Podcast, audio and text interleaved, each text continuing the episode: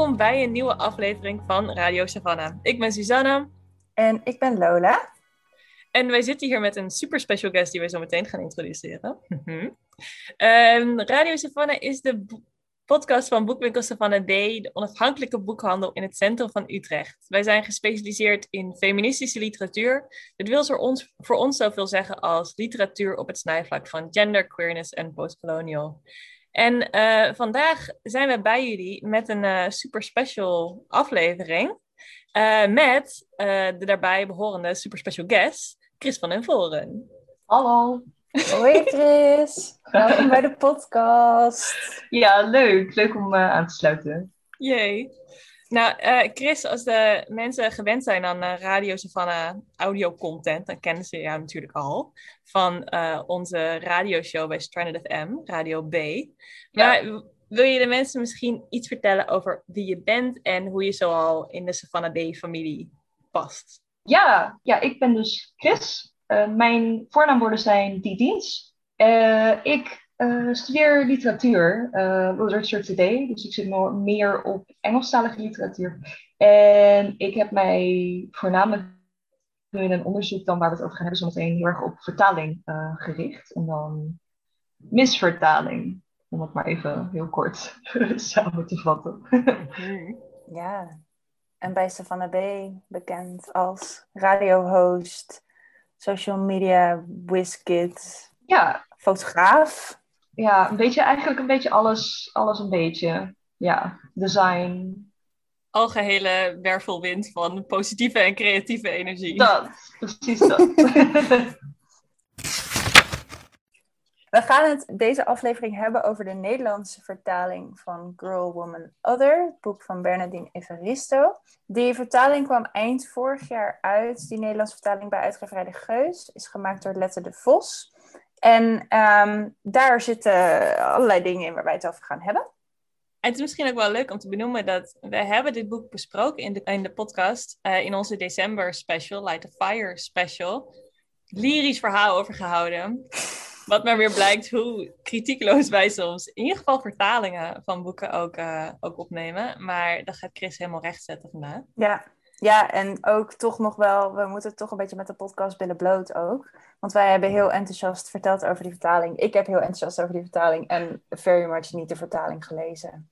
Dus ik moet toch, uh, ik schaam me diep. Ik heb jullie uh, een klein beetje voor de gek gehouden en de, de, Engelse versie van het boek gelezen en daar heel lyrisch over gepraat. En niet mijn research gedaan in de vertaling en hoe die eruit zag. Dus excuses daarvoor. Dat gaan we nu rechtzetten. En uh, ja, ik kan ook sowieso het boek in het Engels lezen. Dat kan ik dan wel echt van harte aanraden. Ja, ja maar dat, dat kan ik ook. Dat, dat, is, dat is het prachtige aan Girl, Woman, Other. Het is een van de allerbeste boeken voor mij dan, die de afgelopen tijd is uitgekomen. Ja, en dan de, de vertaling kan je ook zeker ook lezen. Maar met een korreltje zout. En we gaan dat korreltje zout vandaag overdragen aan jullie. Nou, we kunnen wel, ik kan wel eventjes uh, beginnen met vertellen waarom, hoe we eigenlijk erop kwamen bij deze aflevering. Want Chris, jij staat al een hele tijd op onze gastenwishlist die we hebben. Onze supergeheime behind-the-scenes gastenwishlist. Maar hè, zo gaat het soms met het leven en in, in de podcastwereld, dan komt dat er niet van. En toen kwam het nieuws over de uh, vertaling van de dichtbundel die er aankomt van Amanda Gorman. Die vertalingsrechten liggen bij uitgeverij Meulenhof. En er werd aangekondigd dat Marieke Lucas Rijneveld de bundel zou gaan vertalen. Wat een hoop ophef opleverde. Wij noemen het in de wandelgangen hier de Meulenhof-affaire. Ik weet niet of dat een van een W-ding is of een, of een algemeen geaccepteerde term over deze situatie. Maar lang verhaal kort, er ontstond een hoop discussie uh, en gesprek en kritiek op Meulenhof, op Marieke Lucas, op het, het Uitgeverijeninstituut, de vertalingswereld. Naar aanleiding van deze keuze en naar aanleiding van de, eer, de eerste reacties van zowel Meulenhof als Marieke Lucas. Dat hebben veel van jullie denk ik meegekregen. Wij zullen een aantal um, bronnen linken, reacties linken. Met name van mensen van, mensen van kleur, schrijvers van kleur, zwarte schrijvers. Die, um, die hierop uh, op gereageerd hebben en die uh, een hele krachtige taal zeggen waarom het heel belangrijk is om uh, goed na te denken als uitgever wie je een boek laat vertalen. En ook waarom het belangrijk is om daar constructieve gesprekken over te voeren die daadwerkelijk gaan over het probleem van de witheid van de literaire wereld en van het uitgeverijeninstituut. En niet over soort bliksemafleiders van gesprekken over uh, politieke correctheid en dat soort dingen. Dat, is, uh, dat, was, dat was de aanleiding van het. Zo, ik maak nu echt een monoloog. Hè? Willen jullie nog iets toevoegen? Nou ja, ik zat zelf voornamelijk te denken. Ik vind dit een ontzettend mooi bruggetje, gezamenlijk met het feit dat jullie zelf zeggen: we hebben de vertaling zo geprezen, omdat Girl, Woman, Other zo goed is. En dat is een beetje wat natuurlijk ook met de Meulhof-kwestie heel erg naar voren is gekomen, is we moeten nadenken over vertalingen. En we moeten blijven stilstaan bij vertalingen, omdat een vertaling af en toe hele gekke dingen kan doen. Ja. En dan kan het boek nog zo goed zijn, Girl, Woman, Other is prachtig maar, dat, maar daar moet over nagedacht worden. En ik denk dat dat het bruggetje is om heel mooi nu naar Meisje anders te gaan vanuit de Meulhof-affaire. Want dat is waar mensen nu bij stil gaan staan, hopelijk meer. Ja, absoluut. Ja, het gesprek ging natuurlijk heel erg, en ook bij ons, zeg maar, als team van de winkel en, en op heel veel andere plekken ook, over uh, wie vertaalt wat, wie krijgt er recht van spreken over welke onderwerpen en wat zijn de implicaties daarvan. Um, en toen zei Chris, goh, daar heb ik een essay over geschreven. Toen zeiden wij, nou, dat is top, dat komt goed uit. en daar, uh, daar gaan we het nu over hebben. Wat, wat, ik, wat ik zo opvallend vind ook aan deze discussie, en dat is um, dat we toen we, wij, Lola en ik maakten eerder ook al een podcast over Marike Lucas, uh, het boek De Avond is Ongemaakt. Mensen hebben overal over gepodcast ondertussen. Um, en in die uh, aflevering hebben we het best wel gehad over vertalingen en over dat we zo versteld stonden over vertaling en hoe lastig het was. Toen hadden we het heel erg over waar de hele Nederlandse media het over had toen de Man Booker Prize, uh, toen um, Marieke Lucas de Man Booker Prize won, dat het zo lastig moet zijn om zo'n quote-unquote Nederlands boek te vertalen. en toen hebben we het gehad over het Sinterklaasjournaal en over Diewertje Blok en over al die dingen die ja, buiten Nederland toch niet begrijpt. En dan kan alleen een Nederlander eigenlijk vertalen. Precies. En toen was heel dit Nederland ja. er zo ja. van overtuigd dat vertalen zo belangrijk was. En uh, het is zo'n ander gesprek dat we hebben uh, nu in de context van Marieke Lucas, dezelfde persoon, die um, dit gedicht, uh, de Hill We Climb, zou, zou vertalen. Mm -hmm. Dus we dachten, er is, uh, die vertalingswereld is misschien een stuk ingewikkelder dan we altijd gedacht hebben. Het is niet zomaar het equivalent vinden van het ene woord in het Engels naar het andere woord in het Nederlands.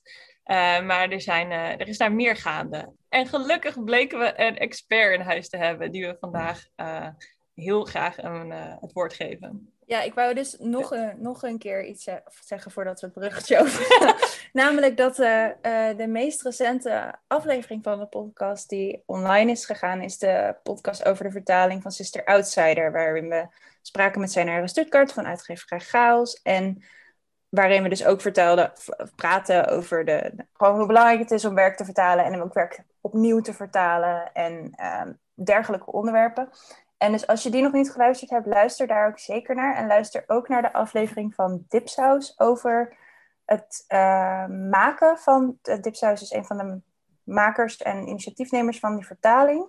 En zij maakten een aflevering daarover en gingen daar ook in over hoe moeilijk het was voor hun om een zwarte vertaler te vinden voor het vertalingsproject van Sister Outsider. Dus als je nog vanuit een andere hoek er wat meer over wilt leren, dan uh, twee luistertips. Dus we duiken vandaag even in uh, die rol van de vertaler, wie die vertaler eigenlijk is en wat die doet en hoe die een uh, invloed heeft op de tekst die we uiteindelijk lezen. Chris, kan jij iets vertellen over, ja, over vertalen, wat dat is, wat dat betekent, hoe dat een tekst vormt? Ja, ja ik, um, ja, ik zal, om, om daar naartoe te komen, zal ik even kort uitleggen hoe dat voor mij überhaupt is gegaan bij Meisje Vrouw Anders en waarom ik daar onderzoek naar ben gaan doen. Dan kan ik het wat beter uitleggen nou. Mm-hmm. Um, want voor mij is dat onderzoek heel erg gestart überhaupt al bij uh, het Engelse boek, waarin het, het is een Booker Prize winnaar. Het is wereldwijd gegaan, enorme bestseller. En een van de allereerste prominente boeken waarin een non-binair karakter ehm, is, is, is geschreven, opgeschreven over een non-binair karakter. Wat voor mij, nou ja, voor mij was dat wereldnieuws. Want een Booker Prize winnaar heeft een non-binair karakter. Dat is prachtig. Ehm, maar daar werd helemaal niks over gezegd. Helemaal nergens. Um, sterker nog, in de recensies wordt er eigenlijk altijd gerefereerd naar het non-binair karakter voordat die in transitie is gegaan.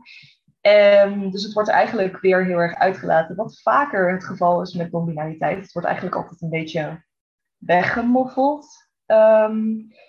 maar ja, juist hier Daardoor was ik erg benieuwd, omdat uh, het boek zo mooi is en het voor het eerst is, hoe ze dat dan in het Nederlands zouden doen. Omdat het zo vaak ook weggemoffeld wordt, zeg maar. En door mijn onderzoek op dat gebied ben ik me gaan realiseren hoezeer een vertaler eigenlijk macht heeft uh, in het vertalen van een boek. Um, dat ik daarin dook, zijn er best wel wat vertalers. Ik denk voor mij de belangrijkste vertaler die ik heel erg elke keer naar voren haal is Spivak. En Spivak is zelf dus ook um, onderzoeker op het gebied van vertalingen. En Spivak heeft het altijd over hoezeer het nodig is om cultureel inzicht te hebben in uh, een, een, taal. Voordat je daadwerkelijk de vertaling uh, op de juiste manier kan neerzetten. Um, nou trekt ze dit volgens mij ook verder, maar het, het belangrijkste voor mij is dat zij het heeft over hoezeer je die culturele achtergrond nodig hebt. Voordat je een goede vertaling kan neerzetten. En dit is natuurlijk ook, nou ja, wat we eerder al zeiden met Meulenhof, uh, um, wat zo belangrijk is. En um, Meisje Vrouw Anders heeft zo ontzettend duidelijk aangetoond hoe nodig het is dat een vertaler zich daarin, um, dat die zich daarin inleest in de verschillende onderwerpen. Um, want voor Meisje Vrouw Anders, als je erover nadenkt, het gaat over twaalf uh, gekleurde hoofdpersonages, waarvan één dus non-binair. En het is zozeer gericht op de, ja, op, op de Britse wereld bijvoorbeeld ook, dat je daar ook veel informatie voor nodig hebt voordat je daar een goede vertaling van kan maken. Nou heb ik me heel erg gericht op het gedeelte over non-binariteit natuurlijk, omdat uh, ik daar zelf ook cultureel veel dichterbij kom. Dat is natuurlijk ook waar deze hele podcast over gaat. Um, maar jullie wilden het voornamelijk nu even hebben over wat de rol van de vertaler voor mij betekent. Dat is dus dat de macht zo ontzettend bij de vertaler ligt wanneer zij boeken vertalen wat me uh, jouw, jouw verhaal, Chris, uh, over, over de discrepanties zeg maar, tussen de vertaler en de originele tekst en de, het kwaad dat dat doet en hoe uh, gewelddadig dat is.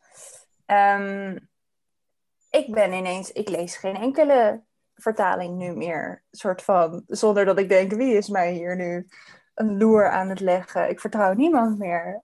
Ik denk dat het heel goed is om, om er kritisch op te zijn. Ik bedoel, dat zeker. Wat, ja, wat ik er wel bij wil zeggen, want we zetten het natuurlijk nu heel erg neer als, oh ja, vertaler kan heel, heel veel kwaads aanrichten in een vertaling. Maar um, wat ik dan wel leuk vind om hierbij te melden, is dat ik bijvoorbeeld in mijn onderzoek naar vertaling, ik niet alleen de Nederlandse vertaling, maar ook de Italiaanse vertaling bekeken. En daarbij zijn er zeg maar bepaalde, want Italiaans is een hele, een, een enorme gendertaal. Er zit heel veel gender in. En zij hebben, in die vertaling hebben ze heel erg geprobeerd om dat zoveel mogelijk nou ja, neutraal te maken, als het ware. Dus een vertaling kan heel veel goeds doen. Het kan ook heel veel slechts doen, zoals bij de Nederlandse vertaling is gebeurd. Maar het kan ook heel veel goeds doen. Dus ik denk dat het wel goed is om dat even erbij te benoemen. Maar wees er wel kritisch op. Als het een vertaling is, dan is er sowieso iets wat de vertaler heeft bedacht wat niet per se uit de originele taal het idee was. Ja. Ja, en het ingewikkelde is natuurlijk dat je als mens nooit al die talen kunt spreken. En dat, dat er dus altijd een limiet zit aan in hoeverre je daar kritisch op kunt zijn. Ja, precies. Ik heb een saaie theoretische vraag voor je, Chris. ik heb namelijk uh, van, de, van de kennis die ik heb van vertalen en van vertaaltheorie, heb ik altijd geleerd dat er een soort van twee kampen zijn in het vertaal strategiewereldje. De ene kamp zegt uh, vertalen is zo trouw mogelijk zijn aan de brontekst. Dus zo dicht mogelijk daarop blijven zitten. En de andere kamp zegt nee, vertalen moet je alleen denken aan het publiek. En je moet zorgen dat als die het boek leest, dat hij hetzelfde soort ervaring heeft. Dus als dat betekent dat je de helft om moet gooien, omdat in andere taal nou eenmaal connotaties heeft, om het ritme te behouden, om het plezier van het taalspel en zo te behouden, dan mag dat allemaal. Schaar jij je in een van die twee kampen? Of heb je daar ideeën over wat wel minder schadelijk zou kunnen zijn?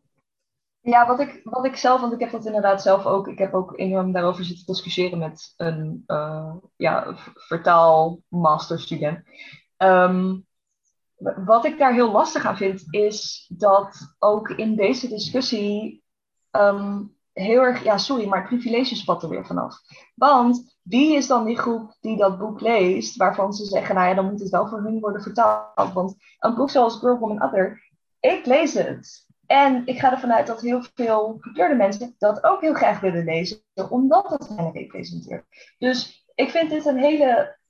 Ja, ik vind dat echt een privilege van deze, van, van deze theorie afspat. Omdat wie, wie is dan die groep, die normale groep? Dat zal wel weer de cis-witte man zijn waar we met z'n allen op aan het you know, om het maar zo normaal mogelijk om weer die, die norm aan te houden met z'n allen. Dus ik vind dat heel lastig. Ik ben zelf heel erg natuurlijk de andere kant op, uh, um, dat ik vind dat er op een tekst moet worden uh, gefocust. Maar, en zoals ik zo meteen ook zal uitleggen bij meestal anders, is het wel verstandig dat jij vertaalt naar de taal waarin jij zit op, op een manier zeg maar, dat je ook daar de, de culturele achtergrond van de vertaling wel meeneemt in je overweging.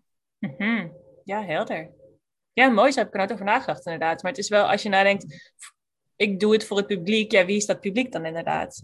Voor wie wil je deze tekst toegankelijk maken? En dat is natuurlijk uh, ja, ook ideologisch ingegeven. Is het misschien tijd om het gewoon over uh, meisje vrouw anders te hebben? Um, ja, zal, zal ik gewoon vertellen inderdaad waar, waar mijn probleem was bij de vertaling van Meisje Vrouw. Um, ik ben heel erg gaan uh, uh, duiken in queer vertaling. Want uh, je hebt natuurlijk inderdaad wat ik zei, die culturele representatie. Maar queer vertaling is ook iets om rekening mee te houden. Om een vertaling zo waarheidsgetrouw mogelijk over te brengen. Um, ik vind zelf altijd een heel grappig voorbeeld Moby Dick. Moby Dick wordt altijd heel erg vertaald naar, oh het is zo'n mooi literair werk. Het is ook een heel mooi literair werk trouwens, daar niet van. Maar er zit heel veel queer taalgebruik in Moby Dick. Wat mm. vrijwel niet wordt vertaald. Uh, wat pas sinds kort geloof ik iets is wat veel meer naar voren wordt gehaald. Um, maar wat uh, heel erg lang gewoon letterlijk eruit is gehouden. Omdat, uh, om, omdat het anders een, nou ja, een, een, een queer tekst zou gaan worden. Dus ik vind Moby Dick zelf altijd een heel grappig voorbeeld voor de theorie van queer vertaling. Um, maar in ieder geval, je hebt dus queer vertaling. En een queer vertaling, als je tot zeg maar de queer vertaling wil komen, dan kom je eigenlijk weer terug bij wat Spivak ook zegt. Je moet gewoon die cultuur moet je er, er, erin brengen, zeg maar. Je moet daar echt oog voor hebben. En dat is wat bij Meisje Vrouw Anders niet helemaal is gebeurd. Um, ja, toen ik dit onderzoek ging doen, is dat wel even moeilijk geweest. Er zijn een aantal dingen die er gebeuren. En ik ga het eigenlijk een beetje opbouwen van kwaad tot erger.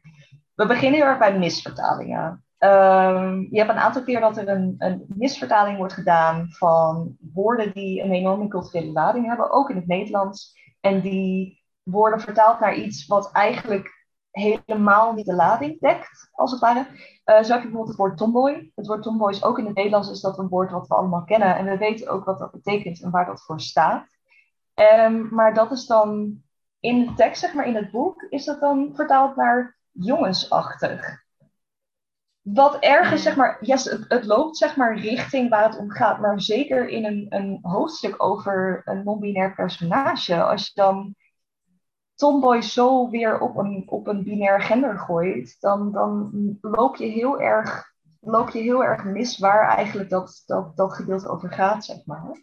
Ja. En hetzelfde is met het woord uh, butch, butchier, zeg maar. Dat wordt ook naar mannelijk vertaald. En ook het woord butch is een, is, een, is een woord wat zeker in de queer gemeenschap heel erg opgenomen is. Juist vanwege die culturele lading die daarachter zit. Dat is niet een woord wat makkelijk te vertalen is. En dat zou je ook helemaal niet moeten willen, omdat het ook weer gewoon Nederland gebruikt wordt. Um, en ook weer omdat je het dus op de binariteit gooit van mannelijk, neem je weer, dekt het weer de lading niet van, van, van ja, waar een non-binair karakter überhaupt uh, mee bezig is, zeg maar. Dat, dat, dat die hele binaire verdeling, dat die daar niet bij is. Ja, want in dat, uh, dat hoofdstuk, daar heb je inderdaad een tomboy en dat uh, iemand die opgroeit als meisje. Zeg ik dat zo goed? Ja, ik, ja, misschien is het goed inderdaad om uit te leggen wie dat überhaupt is. ja, dit, dit hoofdstuk gaat over uh, Morgan. Morgan is een non-binair karakter en in dit hoofdstuk krijg je uh, Morgans reis mee, zeg maar, hoe die tot transitie is gekomen, als het ware. En uh, kijk je heel erg mee met hoe die ook nou ja, hoe die erachter komt dat hij uiteindelijk non-binair is en wat daar allemaal bij te pas komt. En wat ik zelf heel mooi vind van Evaristo is hoe kwetsbaar uh, zij om is gegaan met het onderwerp. Ondanks het feit, want dat wordt natuurlijk wel eens gezegd, want Morgan wordt ook gedetnamed, dus de, de, de oude naam wordt gebruikt. Maar Evaristo is daar heel, uh, heel kwetsbaar mee omgegaan en heeft dat heel mooi meer als een soort onderwijs neergezet. Als het, als, als het aanleren aan mensen van oké, dit is hoe mensen uiteindelijk in transitie gaan en hoe dat werkt. Um, en dat is, dat is heel erg waar dat hoofdstuk over gaat, zeg maar, als het ware. Wat dat laat ook mooi zien, denk ik, waar die, waarom die nuance belangrijk is. Tussen Tomboy en Butch, die allebei als jongensachtig wordt vertaald. Terwijl het twee verschillende connotaties heeft. Waar tomboy veel meer een term is die zeg maar, ouders bijvoorbeeld gebruiken om te zeggen van oh, mijn dochter is gewoon een beetje een tomboy. En butch is veel meer iets wat een identificatie met een queer community suggereert. Met een heel andere soort connotatie zo ook heeft. En als je daarvoor dezelfde vertaling gebruikt, dan mis je een vrij belangrijke nuance. Precies. Ja. Ja, en dat gebeurt niet in het origineel. Genderen, dat is nog wel. Het is niet een soort van plotpunt of zo. Of een, een I don't know. Dat het een soort van in-tekst reden heeft waarom het. Uh, en, en daarin een, een bepaalde narratieve functie heeft. Het is gewoon fout. Juist, inderdaad. Ja, precies. Precies. Ja, dus dat, dat, dat zijn best wel flinke misvertalingen. Um, die, ja, nou ja, die ik gewoon niet vind kunnen. Um, en ja, wat ik daarnaast heel vervelend vind. En ja, dan, dan zegt de vertaler in uh, dat stuk, zeg maar, waarin ze uitlegt over de vertaling zelf, zegt ze ook um, dat het allemaal zo moeilijk was, want het is het non-binair voornaamwoord en het is allemaal ook zo lastig. Uh, daar wil ik even een side note bij maken. Het is niet lastig. Het is niet moeilijk, het is gewoon die dienst, niks aan de hand. Iedereen om mij heen weet het goed te gebruiken, dus leer daar gewoon mee omgaan. Maar goed, in ieder geval in het boek zelf, en ik vind dat bijvoorbeeld ook heel slecht dan van de editor die nog over het boek is gegaan, er wordt gewoon gemisgenderd. Um, en dat vind ik, dat vind ik nou, dat vind ik echt niet kunnen. Dat is gewoon, dat is, dat als je al zo met het onderwerp bezig bent, dit dit boek is zo belangrijk voor de non-binaire gemeenschap en dan doe je dit. En dit is een van de pijnlijkste dingen die je kan overkomen. Ik vind het super naar als mensen mij misgenderen. En dat het dan in een boek nu gewoon ja, op deze manier is vastgelegd en zo blijft, ja, dat, dat is heel pijnlijk. En dat is heel, ja, heel raar. Maar hoe, hoe kan dat dan inderdaad gebeuren? Is dat gewoon een slordigheidje geweest? Of is dat een, een bewuste keuze geweest? Of heeft dat te maken met wat je net ook aanhaalt, Chris, van non-binaire voornaamwoorden zijn zo lastig, wat ze dus niet zijn? Ja, ik kan wel even, ik kan het citaat er even bij pakken. Dan, dan kunnen we misschien, ja, dan kunnen we het er even over hebben. Ik vind zelf, zeg maar, als ik het lees, dan is het voor mij heel duidelijk van ja, oké, het is niet, het is gewoon een fout geweest. Het is gewoon niet secuur geweest. Ja, hier. Uh, dit gaat over het gedeelte. Uh, Morgan is namelijk een, een influencer op Twitter. En die met, met, met hun Twitter-account bereikt hij dus heel veel verschillende mensen. Um, misschien een kleine side Ik gebruik zelf nu die en hem hun door elkaar heen. Um, dat het allebei voornaamwoorden voor non-binaire personen zijn. In het Nederlands. En er niet per se hier een onderscheid wordt gemaakt of ja, er wordt door de vertaler een onderscheid ingemaakt, maar het is niet dat dat vastgelegd is van tevoren. Had ik geweten wat Morgan had gewild, dan had ik natuurlijk eentje aangehouden. Dus het gaat heel erg over dat Twitter-account. En daar wordt over gesproken. En je hebt bijvoorbeeld dat gedeelte dan waar er wordt gemisgenderd hier. Is dat is vanaf hier. Ja, Morgan heeft geen idee hoe je toneelstukken moet analyseren of in een bredere context moet plaatsen. Maar dat doet er niet toe. Het gaat om hun volgers, niet om de kwaliteit van hun kritiek of schrijfstijl. Binnenkort zijn echte recensenten overbodig, de zogenaamde deskundigen die al sinds jaren dag de dienst uitmaken, veelal vanuit Londen. Volgens de krant is er sprake van democratisering in de kunstkritiek. En dat geldt dus ook voor iemand als Morgan, die met haar tweets meer lezers bereikt dan een echte recensent. Huh? Juist. Dus er wordt twee keer wordt het juiste voornaamwoord gebruikt en dan ineens wordt dat gewoon. Dus volgens mij is het gewoon niet secuur geweest en is het gewoon compleet vergeten. En weet jij, dit is heel slordig, ehm, maar weet jij iets, en misschien niet per se voor dit boek, maar gewoon algemeen, over wat de rol van een redacteur dan is op zo'n soort proces? Want je hoort dan in een, in een artikel van de, wat de vertaler heeft geschreven over haar keuzes, zegt van nou, hè, dit en dit en dat waren mijn afwegingen. Daar, kan je, daar hebben we het nog over, over die afwegingen. Maar zij maakt een bepaalde afweging en dan hangt er natuurlijk een redacteur omheen. Heb jij een idee of, een, uh, of uit een andere bron een, een kennis van in hoeverre een redacteur op een vertaling nog invloed kan uitoefenen rondom dit soort keuzes? Kijk, ik, ik weet wat de rol van een redacteur is. Ik ga ervan uit dat dat in een vertaling hetzelfde moet zijn, want mhm. je kijkt voornamelijk gewoon secuur naar de tekst. Dus zeg maar, de, de rol van een redacteur, zoals, uh, uh, zoals ik dat ken uit de uitgeverijwereld, is dat je meekijkt met grammaticale en, en, en spellingsfouten, zeg maar. Maar je kijkt ook naar ja, hoe zeg je dat? De regelmaat van een tekst. Dus dat het allemaal wel klopt wat er wordt gezegd. Weet je wel, dat je niet bijvoorbeeld aan het begin van een boek met een deur open zit en dan later wordt er over een deur gepraat alsof die dicht zit. Dat, dat is ook de, de, hoe heet het, van een redacteur. De, uh, de taak van een redacteur om mee te kijken van, joh, is het, is het wel, is het logisch? Is het secuur? Dus in dit geval ik bedoel, een, een, redacteur zou ook, als in plaats van er bij een van de personages, als daar in plaats van zij hij had gestaan, had de redacteur natuurlijk onmiddellijk ook gezegd: Joh, volgens mij had je het net over een vrouw. Dus dat zou een redacteur in dit geval ook moeten hebben gedaan. Ja, ja. Dus dan zou je ook nog denken van, dan maakt een vertaler eerst zo'n keus. Dan waarschijnlijk heeft een uh, redacteur er nog een vraagteken bij gezet. En heeft de vertaler het toch nog laten staan, zou je haast denken. Ja, ja, dat is, ja, precies. Dus in dit geval voor mij, ik, ook als je dit zo hoort, ik bedoel, er is niks hieraan wat je anders zou kunnen interpreteren. Het is gewoon stom geweest. Het is gewoon niet goed nagekeken, niet goed meegelezen. En ja, heel eerlijk, als je dit niet kan, ja, sorry, dan moet je deze betaling maken. Ik ben hier heel hard in misschien, maar dat moet je dan gewoon niet doen als je niet weet hoe je hiermee omgaat. En is dit iets wat één keertje hier mis is gegaan? Ja, er is er, er, is er nog eentje. Um, en die, maar die vind ik zelf lastiger. Um, dat is namelijk zichzelf uh, in plaats van hunzelf. En ik weet dat zich in bepaalde onderdelen maar, van, van Nederlandse spelling- en grammatica-regels, dat zich sowieso wordt mm. gebruikt. Uh, ondanks wat, wat het gender is van de persoon waar je het over hebt. Dus zichzelf vind ik wat lastiger. Maar ik denk ook, ik kan even deze quote erbij pakken. Ehm, ik denk zelf namelijk ook hierbij dat je gewoon hunzelf had kunnen gebruiken. Is, zeker als je niet zoveel hierover weet, zou je toch ook zeggen better safe than sorry? Precies. Ja, deze hier. Dat is echt het begin van het gedeelte waarin Morgan daadwerkelijk non-binair is, zeg maar. Um, en dat is dus Morgan bestempelt zichzelf nu al zes jaar als gendervrij. Hen heeft geleerd het niet erg te vinden als mensen niet de voornaamwoorden gebruiken waar hen de voorkeur aan geeft of het niet snappen. Sorry, maar dat is net alsof de vertaler een soort van excuus heeft ingebouwd. Van, oh, dat vindt ze niet echt. Ja, precies. En op zich, het zelf.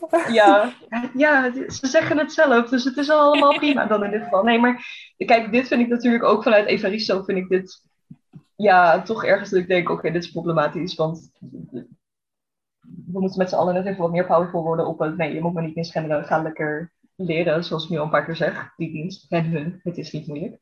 Um, maar ook in dit geval, toch? Zichzelf, henzelf. Ik, ik zelf vond ik dat, dat het gewoon hunzelf zou kunnen zijn. Volgens mij zou je ook haar zelf hebben gezegd met een vrouw, toch? In dit geval. Ja, dus ik, ik vond dit ook een hele gekke. Het zijn gekke keuzes, inderdaad. Ja. Ja, want ik heb dus het laatste punt dat ik wil maken, en dat punt vind ik zelf echt het allernaarste punt. Um, en dat gaat heel erg over überhaupt zeg maar de mystiek rondom het non-binair uh, uh, gender. Um, non-binair gender is überhaupt in mijn, in mijn optiek is non-binariteit nog steeds iets wat heel onzichtbaar wordt gehouden. Um, er zijn ontzettend veel voorbeelden van de laatste tijd waarin er wordt gekeken naar gaan we überhaupt voornaamwoorden gebruiken voor non-binaire mensen, ja of nee. NOS heeft bijvoorbeeld op een gegeven moment een statement uitgebracht, joh, wij gaan ze niet gebruiken wat onzinnig is. En dan is er een onderzoek van de trouw die dan gaat kijken of Nederland er wel klaar voor is, deze voornaamwoorden. Dat ik denk, volgens mij maakt het niet uit of wij er klaar voor zijn of niet, want non-binaire mensen zijn er en wij gebruiken deze voornaamwoorden. Volkskrant doet het ook uh, niet. Even voor de namen en rugnummers. Juist. En, uh, en zo zijn er denk ik nog veel meer. Ja, ongetwijfeld. Maar... Ja. Ik, ik werkte laatst op het uh, stembureau en toen stond er als disclaimer over inclusief taalgebruik. Wij zijn ons bewust van de verschillende genderidentiteiten. Ik weet niet meer precies wat de quote was, maar wij gebruiken hier hij zijn. En ik, ja, als je ervan bewust van bent, waarom Juist, gebruik je ja. dan hij zijn? Ik heb hetzelfde gehad bij een uh, voorstelling van God. Wat is die naam ook alweer? Nou, in ieder geval een van de allereerste kunstenaars uit Engeland waarvan nu bekend is van oké, ja, die was gewoon non-binair, alleen bestond non-binariteit als woord er nog niet. En dan hebben ze ook als disclaimer dan hebben ze gegeven, ja, ja, omdat in die tijd non-binair officieel nog niet bestond, gaan we toch gewoon zij gebruiken. Want, ja, die disclaimers inderdaad. Anyway, dit is waar mijn laatste punt heel erg om gaat. Um, want in dit laatste gedeelte, zeg maar, deze, deze laatste, het laatste grote probleem voor mij, wordt voor mij heel erg de spot gedreven überhaupt met uh, voornaamwoorden die buiten de binaire genderverdeling vallen. Um, want de vertaler heeft dus gewoon letterlijk zelf woorden bedacht om Engelse voornaamwoorden te gaan vertalen van, van gen, zeg maar, uh, voor, voor genders die buiten de binaire verdeling vallen. Um, en dit is, ja, ik vind het zelf, ik vind het onwijs denigrerend. Ik zal zo het voorbeeld noemen. Want er wordt gewoon de spot gedreven met personen zoals ik. En de voornaamwoorden worden gewoon niet serieus genomen. Ik, ik, zal het even, ik zal het even kort uitleggen. Want je hebt zeg maar in het Engels de zin waarin, het, waarin Morgan zeg maar aan het onderzoeken is um, welk voornaamwoord het beste bij hem past. Uh, en die zin is dan als volgt: They discussed the best gender neutral alternatives, such as a, e, a, her, they, and they tested each word to see if the words tripped off the tongue or tripped over it. Ditto with the alternatives to his and hers, hears, airs, airs, pairs, theirs, and xeers. En dit, dit is gewoon, dit vond ik prachtig van Evaristo, want het is gewoon onderwijzen in de verschillende voornaamwoorden die door de, de queer gemeenschap aangedragen zijn als idee van oké, nou ja, val je buiten de binaire verdeling van gender, dan zijn dit, uh, zijn dit voornaamwoorden die je zou kunnen gebruiken, mocht je dat graag willen. En achter elk van deze voornaamwoorden zit een heel verhaal waarom het zo is geschreven, waarom ze het zo benoemd. Maar hetzelfde is in het Nederlands gedaan uh, in 2017 door het Transgender Netwerk. Die hebben toen onderzoek gedaan naar nou ja, welke voornaamwoorden worden het liefst gebruikt. Uh, daar is toen hen hun als uh, grootste uit de bus gekomen en die dienst dan. Maar er zijn daarnaast in datzelfde onderzoek, nou ja, ik geloof zes of zeven verschillende alternatieven genoemd, die ook waren genoemd door, door mensen die andere voornaamwoorden gebruiken. Maar wat heeft de vertaler gedaan? Ja, ik vind oh, dat is hier überhaupt, ik vind het verschrikkelijk. Uh, ik zal het even bijpakken. Hoe zij het heeft vertaald. Ze bespraken de beste genderneutrale alternatieven voor aanspreekvormen, zoals ei, i, nei, die, kwij en hen. En probeerden alles uit om te voelen of het woord makkelijk van de tong rolde of juist haperde. Hetzelfde met de alternatieven voor zij en haar. Komma er, ner, dies en hun. En ik herken er een paar die, en ik geloof dat kwij er eentje is, die wordt gebruikt, inderdaad. Maar dies en nij en ei en i, dus de, het, het bestaat, of ja, misschien, hè, disclaimer, als er mensen zijn die deze voornaamwoorden gebruiken, obviously you're very, je bent you're super valid, uh, lekker gebruiken. Um, alleen er is nooit iets over deze voornaamwoorden gezegd. Deze bestaan niet, of in ieder geval niet voor zover daar onderzoek is naar gedaan door transgender netwerk en voor zover ik überhaupt om mij heen zie gebeuren in de gemeenschap en wat mensen gebruiken. Wat betekent dat de vertaler dit gewoon letterlijk verzonnen heeft. En nou, maar dat, ja, je kunt dat niet maken. Dat je een boek zoals hier, waar heel erg over het onderwijs van wat non-binariteit nou eigenlijk is, om dan je niet diep genoeg in het onderzoek te gooien, dat je weet wat daadwerkelijk de voornaamwoorden zijn die er bestaan. Dat je gewoon zelf dan maar je fantasie erbij gaat gebruiken. Alsof dus, zoals ik eerder zei, alsof nominaliteit iets mystieks is wat helemaal niet bestaat. Wat helemaal niet iets echts is. En ik denk dat dat voor mij het allergrootste probleem is aan de vertaling hiervan. Dat het gewoon niet serieus gedromen is, dat er spot gedreven mee wordt. En, en wordt gedaan alsof het gewoon niet iets echts is. Het, ja, ik vind het zelf, ik vind het verschrikkelijk. ik vind het echt heel erg. ja, want de implicatie is ook dat de, uh, de voornaamwoorden die Bernardine Evaristo heeft gebruikt in, in de Engelse versie, dat die door de uh, vertaler niet zijn opgepikt als zijnde daadwerkelijke voornaamwoorden die mensen gebruiken. Ja. En dat haar, en ik bedoel, hè, dit is speculatief, maar dit is wat ik eruit haal, dat zij dan dus dacht, oh ja, maar dat zijn gewoon klanken. Wat natuurlijk super respectloos is ook. Precies, precies. En trouwens, we kunnen wel zeggen speculatief, maar ik denk dat dit dan een mooi moment is om te gaan kijken naar wat zij erover heeft gezegd. Want ze zegt zelf letterlijk, ja, ik heb het verzonnen. Ja, nee, maar misschien dus... wist ze wel dat die andere, de Engelse varianten wel echte voornaamwoorden waren. Dat weet ik niet. Maar zij heeft inderdaad, oh, ja. de, de, we zullen het nog linken als mensen dit na willen lezen, maar zij, de vertaler zelf heeft inderdaad gezegd, ja, ik ging kijken wat klinkt er goed en wat, wat floot er lekker. In plaats van, en dat haalt, haakt ook weer in op wat jij zei, Suzanne, aan het begin over die verschillende vertaalstrategieën. Dus in plaats van kijken wat zou een daadwerkelijke vertaling van dit specifieke voornaamwoord zijn, meer focussen op ritme, klank. Ja, en daarmee voorbij gaan aan dat het bestaande woorden zijn die je, zeker met gezien de geschiedenis van de onzichtbaarheid van non-binariteit, gewoon goed moet vertalen het zegt misschien ook inderdaad iets interessants over, Chris, wat jij eerder aan uh, droeg over het publiek, het beoogde publiek. Blijkbaar gaat de vertaler ervan uit dat het publiek ook niet op de hoogte is van, van deze verschillende voornaamwoorden. En dan sluit je dus inderdaad een heel significant publiek van juist zo'n soort verhaal uit ook. Juist, precies, precies. Het is... Ik heb dit ook tegen iedereen die ik ken in de gemeenschap die um, enthousiast was over dit boek ik heb iedereen verteld ehm, om de Engelse versie te lezen en zeker niet de Nederlandse versie te gaan proberen, want het is gewoon, het is heel pijnlijk. Dit onderzoek is voor mij bijvoorbeeld ook heel pijnlijk geweest om überhaupt uit te voeren, ehm, omdat het, ja, er wordt gewoon een spot met mij als persoon gedreven en dat, nou ja, dat kom ik natuurlijk vaker tegen. Uh, denk aan een J.K. Rowling die zegt dat ik niet besta en, nou goed, het, het gebeurt veel vaker, maar het is heel erg pijnlijk dat dan eindelijk nu dat er een mogelijkheid is om het goed te doen en dat er zo keihard, uh, nou ja, dat het gewoon keihard verkeerd wordt gedaan. Um, ik vind het trouwens wel belangrijk om er zo nog even bij te zeggen, want wij focussen ons nu heel erg op het non-binaire, maar ik vind het heel belangrijk om erbij te zeggen dat de vertaling van verschillende dingen die worden gezegd over gekleurde personages. Ik ga er niet te veel over zeggen. Um, ik zit zelf natuurlijk niet in die groep, dus uh, ik kan er maar een aantal dingen over zeggen. En dat is het feit dat er woorden worden gebruikt zoals het N-woord wordt letterlijk genoemd. Slaven wordt gebruikt in plaats van tot slaafgemaakte. Um, dus ja, ik hoef niet alleen maar vanuit het hoofdstuk over nominaliteit uh, te concluderen dat deze vertaler gewoon, ja, sorry, haar werk niet heeft gedaan. Geen onderzoek heeft gedaan zeker met de significantie van waar dit boek eigenlijk voor staat, is dit zo onwijs, zo onwijs fout gedaan.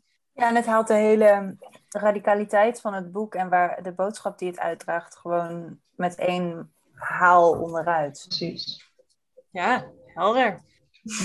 Tot zover mijn onderzoek. nou ja, en het benadrukt dus wel, uh, om toch nog maar weer ook uh, terug te uh, halen naar de Me Meulenhof-affaire.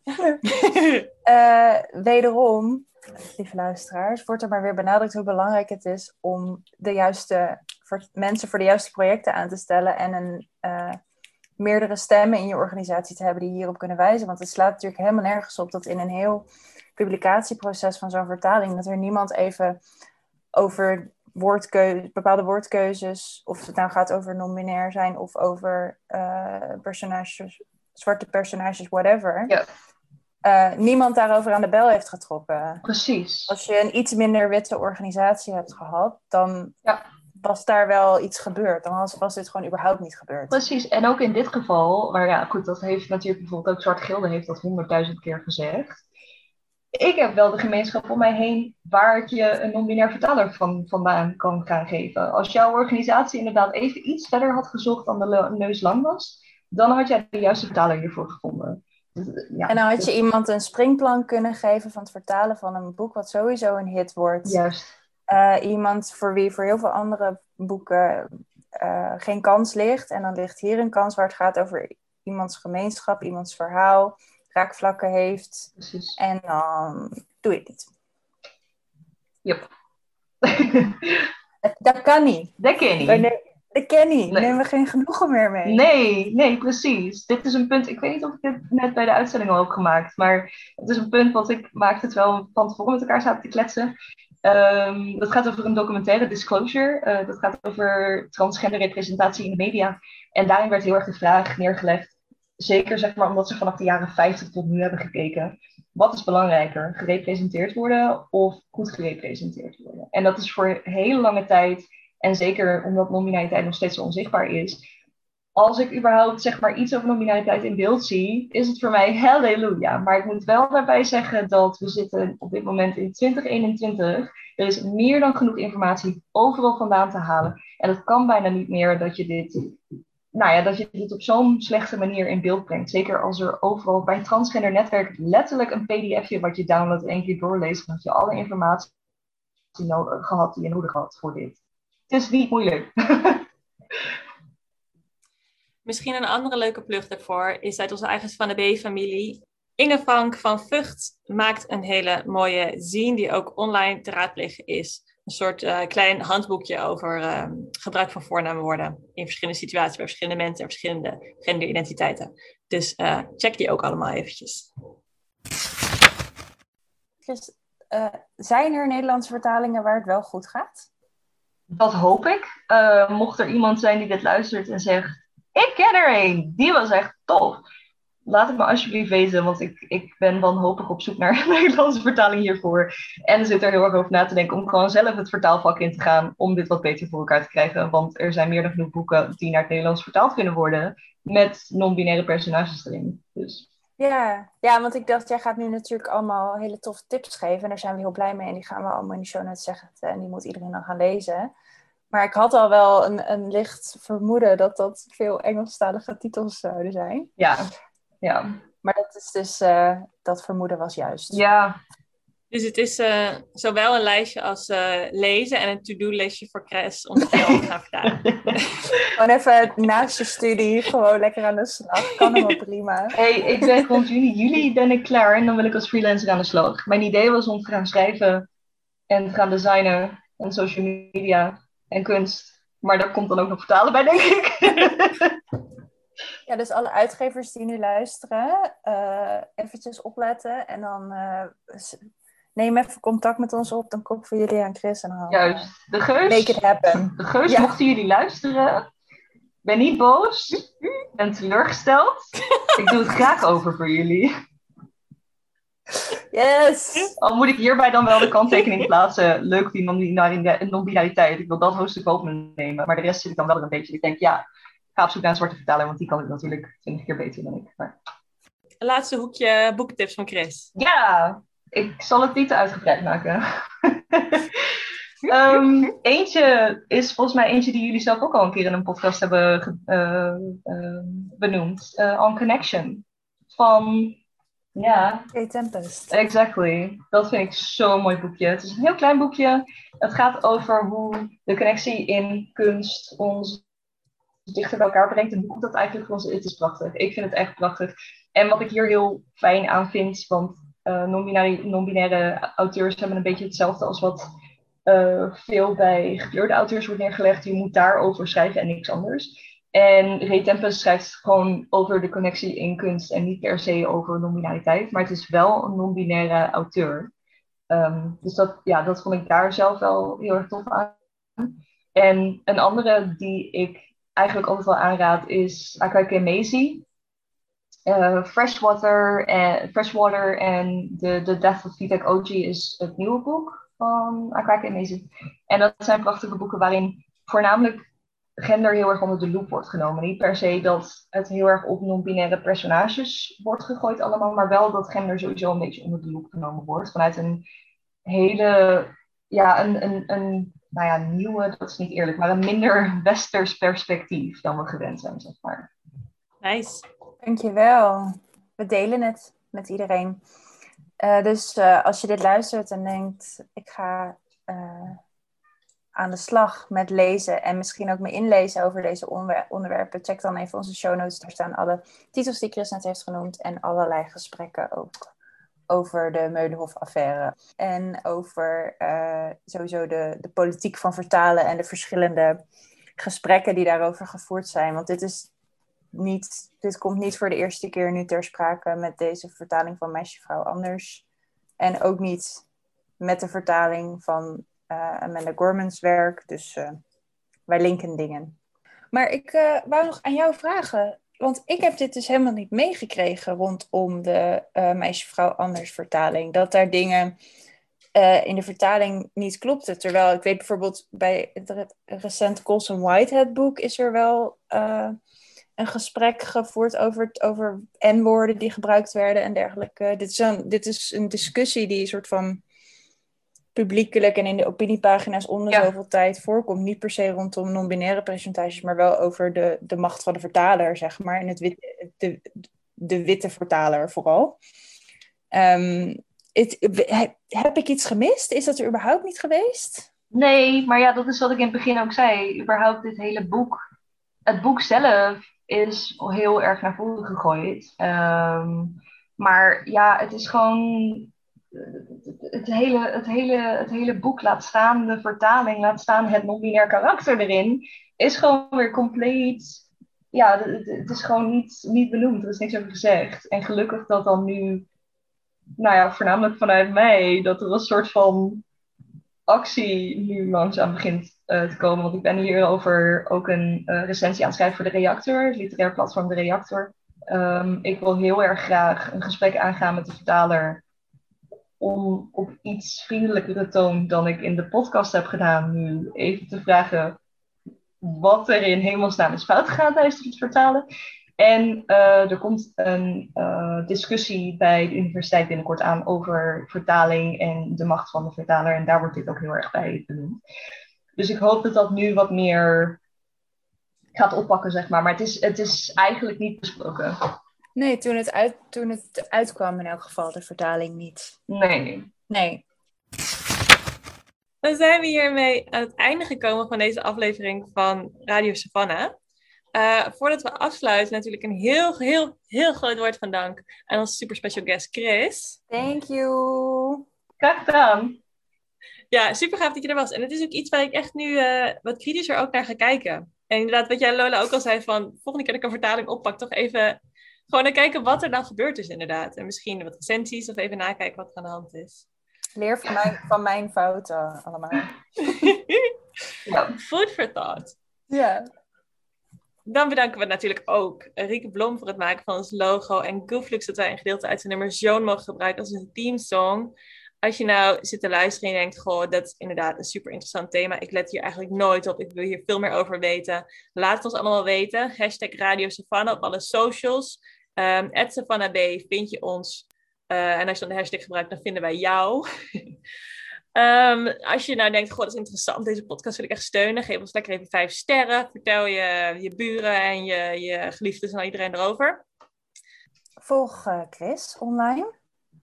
Voor meer, voor meer informatie. Als je denkt, ik wil graag met Chris persoonlijk hierover kletsen, dan uh, ja, is dat enig. Toch? Waar kunnen ze jou vinden, Chris? Uh, ja, je kunt mij online vinden via, ik denk voornamelijk Instagram. Ik denk dat dat het makkelijkste is. Chris was al bezet. Dat is mijn Instagram. En er komt binnenkort een website aan alleen. Dat is wellicht nog niet handig om nu te benoemen, want het is er nog niet. en dat is Chris met een K. Ja. Um, volgende week zijn we er weer met een uh, ongetwijfeld fantastische aflevering. Luister daar lekker naar, abonneer je op onze podcast en dan uh, horen jullie ons dan weer. Bye!